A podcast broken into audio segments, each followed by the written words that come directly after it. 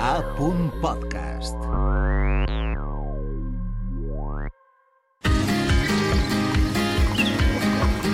Ben i parlem, un podcast per aprendre valencià amb Aina Monferrer. Benvingut tot el món a un nou Ben i Parlem. Avui, en este metapoble valencià de la comarca d'Apunt, ens centrarem en errors típics de valencià de nivells intermedis. Donem la benvinguda a Geraldine i a Vicent, que han vingut fins al nostre podcast per a proporcionar-nos interaccions significatives que faciliten l'aprenentatge del valencià formal, o el que és el mateix, hem vingut a xalar. Hem quedat amics, amigues, germanes i germans per anar tots plegats a un lloc on xalarem a un concert de trobadores. Ben i parlem, un podcast per aprendre valencià amb Aina Monferrer. M'agrada així. Geraldine, tu eres de Xile i eres estudiant de CU a l'Escola Oficial d'Idiomes de, de Saidia. Com va la vida? A veure, ara per a mi molt bé, perquè al juny vaig aprovar el seu i de veritat que va ser un poc difícil i un poc estressant, però estic molt contenta. Enhorabona. Vicent, tu eres de Roca i eres autoaprenent, ja que no t'agraden les classes presencials. Parles valencià en la intimitat? Sí, jo de tota la vida en valencià, és que d'on jo sóc no se parla altra cosa, però sí, sí, Molt bé. que és que m'agrada la vida solitària. I per què no t'agraden les classes? Ah, no, perquè jo m'agrada anar ahí en el camp de soletes i això, i dic, jo porto aquesta vida, no m'agrada mesclar-me molt en la gentola. Perfecte, també és una opció. Geraldine, des de quan has estudiat valencià? Fa tres anys ja. Molt bé. I Geraldine, tu també eh, em podries dir quines llengües parles o quines llengües has estudiat? Eh, a més de valencià, anglès i castellà. Molt bé. I Vicent? Ah, jo parle ah, valencià, castellà... Eh, és que m'agrada molt els, els, els, els, això, els tutorials. I, i en els tutorials de, del mòbil vaig mirant i pues, eh, portuguès algo... També alguna cosa sí, de sí, portuguès? Sí, i anglès també. Vaig mirant allí i vaig aprenent un muntó, perquè m'agrada veure pel·lícules en original, En versió original. clar, per aprendre més. Molt bé, jo crec que és un bon hàbit per a, per a aprendre llengües. Geraldine, ah, tu tens algun hàbit que t'ajudi a aprendre llengües, com aquest de veure pel·lícules en versió original? Sí, m'agrada molt llegir i de fet m'ha ajudat molt a l'hora d'escriure per millorar, Uh -huh. fer llistes de vocabulari quan vas llegint. Llegir i anar fent llistes de vocabulari. Molt bé. I Geraldine, quin error comets en valencià que et costa de fer desaparèixer? Pense que la pronunciació. El em tema- costa molt fer les eh, obertes i tancades. D'acord, sí, però que a poquet a poquet pots anar treballant, o clar que sí. I tu, Vicent, tens algun error fossilitzat que sàpegue com la llepassa? Ai, que, que parle molt com ha parlat jo tota la vida i, i, i això, ja quan dic no sé què, l'estàndard, tal, i ahí ja m'enredre un poc, perquè me costa. Com diem així a Ben i Parlem, depèn de per a què la llengua col·loquial és molt útil també. Per a un examen de valencià no, però per a, Ahí estem, ahí estem. per a la teua vida sí. Després d'este breu qüestionari per a conèixer-vos millor, passem a comentar algunes qüestions essencials a l'hora d'escriure i de parlar la llengua estàndard, no la col·loquial, l'estàndard. En valencià formal, en àmbits d'ús formal, i ho farem en conversa amb vosaltres. Però vosaltres parleu com pugueu i com vos vinga de gust. Ben i parlem, un podcast per aprendre valencià amb Aina Monferrer. Bé, comencem. Ens centrarem en alguns doblets lingüístics, que són un fenomen semblant als false friends en anglès. Són paraules que, malgrat que existeixen en els dos casos en valencià, les dues paraules del doblet pensem que volen dir una cosa però que en realitat en volen dir una altra. I m'haureu d'anar ajudant a mesura que vos vaig preguntant, d'acord? Bé, bé. Bé? Sí? Bé, bé. Geraldine, com que tu has sigut alumna d'anglès també, el tema dels false friends, et sona? Sí, sí, El coneixes, no? sí. D'acord, i en coneixes algun així en valencià que t'hagi resultat Ara- complicadet? En confonia de vegades en còmode. Sí. Còmode mm, pensava que era com en el gènere, saps? Ah, d'acord. Era, era Que còmode era lloc de- femení. Clar, i, el- i realment que diem un sofà molt còmode i una cadira molt còmoda. Feies com una ultracorrecció. Bé, la primera confusió que vos portaré avui és entre confós i confús. Vicent de Roca, confós i confús són el mateix? Oi, confús, una cosa molt aliantera, no? Una, una aixina que no s'acaba d'entendre bé. Sí. I confós, pues, quan vas borratxo. Sí, és, és correcte. Eh, M'he confós en la resposta perquè anava borratxo o m'he confós en la resposta perquè l'enunciat de la pregunta era molt confús. Clar. Aleshores, jo em confonc i l'enunciat és confús. Confós és eh, eh, fallanca, no? Un erro. Sí, un erro.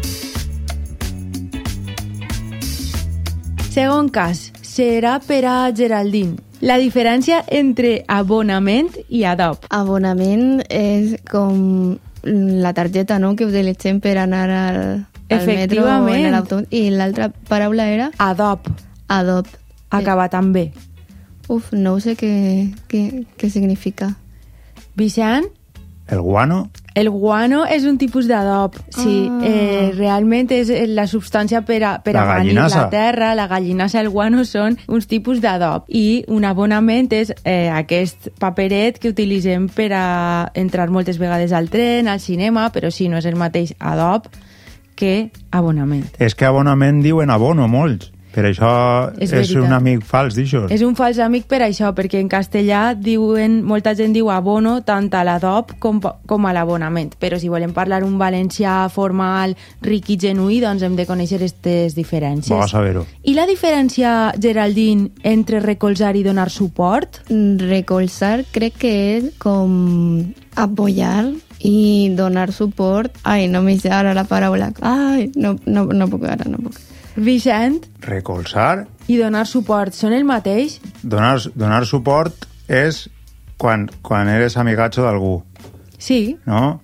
I recolzar és quan, quan t'apalanques en el sofà o, o no. És més o menys això i la clau l'ha donada també Geraldine quan ha dit que apoyar. El problema és que en castellà tenim apoyar, que té dos significats en valencià, té dues opcions. Donar suport, que és qui ajuda, o recolzar, que és qui és ajudat, qui es recolza. Per tant, també pot ser que tu... Com reforçar, no? Donar suport és quan ajudes i recolzar és qui és ajudat, qui està sustentant-se sobre l'ajuda, no? Vinga, un altre doblet que vos diré ara. La diferència entre vistiplau tot junt i vistiplau separat. Això és fotut, eh? Esta no vos l'he posada fàcil. És que vas a ferir. Sí, sí, a ferir, a ferir. Va a fer mal. I això jo no la conec. No. Vos la dic jo que m'avellix, va. Va, I després tira. ja vos deixaré participar més. Vistiplau, tot junt, vol dir quan algú recomana un document, no? Quan algú dona la conformitat documental.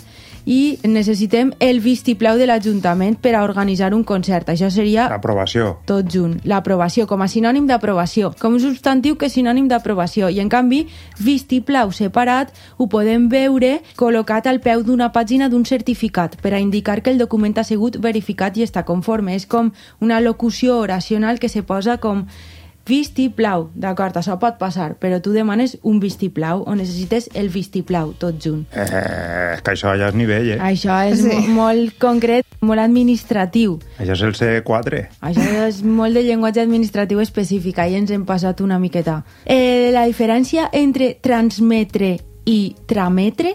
Trametre no em sona, però transmetre, eh, transmitir algun tipus d'informació. Transmi el que diem transmitir, però que ho hem de conjugar com de la segona conjugació, com transmetre, és això, comunicar, difondre, fer passar... I trametre? Tramet, trametre és fer un, fer un papeleo, fer un tràmit, no? Fer un enviament, sí. Una, va, jo creia que era la No, però burocràcia en burocràcia també ho podem dir. Ah. Li han tramès una carta perquè Això, això. Eh, li han tramès una carta en què li transmetran el resultat de l'analítica. Li la trameten, però li, li transmeten una informació. Quan han de fer un volant en l'ambulatori. Per exemple, ahir és un tràmit i ho tramets, no? Però te transmeten alguna cosa i no transmitixen. Vinga, últim error. eh, la diferència entre orgue i òrgan. Orgue serà l'instrument de música, no? Molt bé, de les esglésies. Sí, de don Enrique Arce Navarro. I aleshores un òrgan, què serà? Una part de dins del cos, no? Correcte, correcte. Aleshores podem dir que per a pagar la restauració de l'orgue de l'església de Morella ens tocarà vendre un òrgan a cada un dels morellans, a cada un dels morellans. Ben trobat. Gràcies. Ben i parlem, un podcast per aprendre valencià amb Aina Monferrer. Bé, després d'estos sis dobles lingüístics que hem comentat, passem al concurset. El concurset es diu Preguntetes punyeteretes. I així teniu uns instruments musicals que són unes postisses o castanyoles per a Geraldine i un ukulele per a Vicent de Roca i quan sapieu la resposta ho haureu de fer sonar. Qui ho faci sonar primer, contestarà primer. Ukulele, t'has enganyat? O... No. És ukulele? Ukulele. Ukulele. Jo ho he après fa poquet, també. Això ve de ukelele. Hawaii? És Xina? No tinc tanta informació. Ai, que bo. Jo Però us... sona bé, eh? Ukulele. Ukulele, sí. Ukulele. Jo us faré unes preguntes a veure si en sabeu la resposta. Pregunta 1. Esta és facileta. Heu de triar l'opció correcta. Quin és el femení de francès? Francesa amb dues S, francesa amb una S o francesa amb C trencada? Geraldine, Francesa amb dues S. francesa... mm, No ho sé, no ho sé, no ho sé, no ho sé, eh? Amb una S. Ai, pues mira, eh, no, no, no, és que li, li, li ho he xivat jo, li, ho he xivat jo, li ho he xivat mal. Li ho has dit tu? Sí, és sí. que no, no pots fiar-te d'una pitxat perquè no sabrà mai si va una S, una C trencada, dos S... És que jo vull guanyar el concurs, per això li he dit una, Ah, tram, una Ho trampeta. han fet No et aposta. No et fies si ho ha fet aposta. Vinga, doncs, pregunta 2. Quina opció és correcta? Arrel de les pluges no hem pogut passar pel barranc? Arran de les pluges no hem pogut passar pel barranc? O a raïl de les pluges no hem pogut passar pel barranc? Ahí se ukulele de Vicent de Roca. A, a, a, a veure, jo he sentit dir molt a Raïl, però crec que està mal. Crec que serà arran. Malament. Està malament. És arran, És no? arran, no? O no? Correcte, Geraldine i Vicent, és arran de. Arrel és el que tenen els arbres i raïl és allò de les vies del tren, però el connector és arran de. No és ni arrel de ni arraïl de. Molt, Raïl dels arbres est no està bé. No, són Ah. les arrels dels, ar Eh, dels arbres. Ah, això ho dia m'abuelo. I els raïls Ah, no ho havia del tren. Molt bé. La següent, vinga, a veure com ho porteu. Quina és l'opció correcta? A. Com més gran, més animal. B. Quant més et conec, menys em refie. I C. Contra més li diràs, més plorarà. Ai, A veure, Vicent. Vicent. la A. Com més gran, més animal. Geraldine, tu què creus? Ho he dit per dir, eh? L'estructura comparativa com més gran, més animal o quan més gran, més animal o contra més gran, més animal? Quan més gran, més animal. Esta també és avançada, avançada i realment quant més i contra més es consideren interferències, es consideren barbarismes sintàctics i la- l'estructura que considerem més pròpia per a comparar és com més. Com més estudies, mm, més sabràs. De xiripa. De sort, sí, no? Sí, sí, sí. Molt bé, doncs jo m'he perdut en el recompte. Diria que ha guanyat Vicent de Roca? Ja, però, però, ja te, Pot ser. però de sort, ja te dic que, que ni... No, no, però és que en tenim una altra per a desempatar, no, no acabem així. Vinga, a veure. Esta és de qüestió de verbs transitius i intransitius. Quina és la correcta? A veure. Opció A. He conegut al teu germà. Opció B. Telefona a ton pare quan pugues. I opció C. La policia perseguia als manifestants. Anem a intentar-ho, la, la, la 3, La 3. Heu dit la 3, però la correcta és la B. Ja! Això és una qüestió que tenim, que és la qüestió dels verbs transitius i els verbs intransitius, que provoca problemes amb la preposició a i amb el pronom feble. Perquè telefonar és un verb intransitiu, explicat ràpid, que darrere porta un complement indirecte introduït per la preposició a i, per tant, quan el pronominalitzem, utilitzem li. Diem telefona a son pare, li telefona. I tele- o telefona li. Telefona a ton pare no estaria bé. Faltaria la A. Faltaria la A. telefona a ton pare, però Molt quan bé, parles ràpid, i sa preposició A es perd perquè va Clar, junta amb la A de telefona. Eh, Però sí. també se pot dir telefona-li. També sí, li telefona o telefona li perquè es telefona a algú i per tant pronominalitzem amb li o els. Fa una sinalefa. Eh, no, fa una No, elisió. una elisió. Una elisió.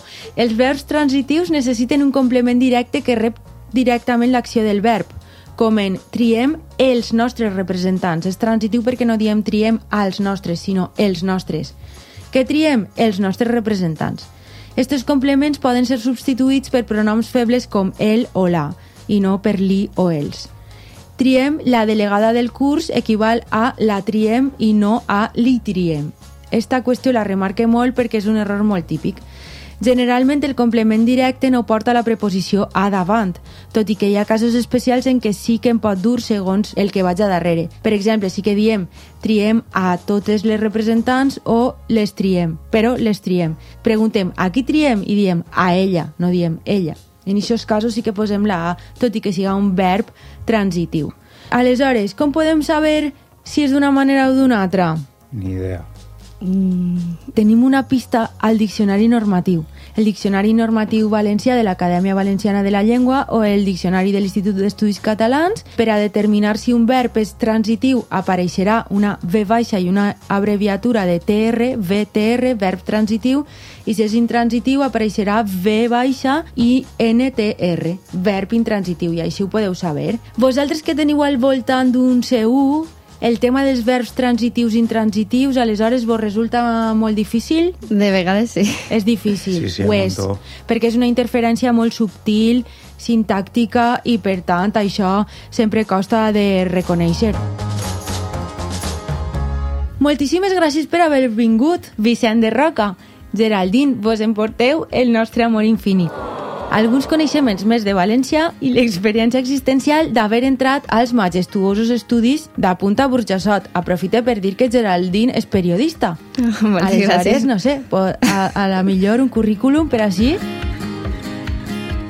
Per tancar este Beniparlem, vos contarem que el reglament 3.5 de la Constitució de Beniparlem afirma que és menester aprofitar les riqueses del plurilingüisme, de l'aprenentatge de diverses llengües per tal d'enriquir la nostra ment. Investigadores com Jason Esenós, de la Universitat del País Basc, i Laura Portolés, de la Universitat Jaume I de Castelló, assenyalen pensant sobretot en contextos escolars que el translanguaging o ús fluid i natural de diverses llengües dins d'una mateixa conversa no s'ha de penalitzar, sinó que és un exercici formidable per a reforçar els aprenentatges lingüístics. L'exercici cognitiu d'anar canviant de llengua en les interaccions, també conegut com a code switching, és com una classe de funcionals per al nostre cos, però per al nostre cervell. Per què? Perquè ens enfortix i ens fa més flexibles i resistents. Així que la pròxima vegada que parleu, no tingueu por d'entremesclar llengües. Això s'ha fet tota la vida, clar. Tota la vida. Fins al pròxim podcast. Continueu explorant i aprenent llengües. Salut! Molt bé. adéu. Adeu. Beniparlem, un podcast per aprendre valencià amb Aina Monferrer.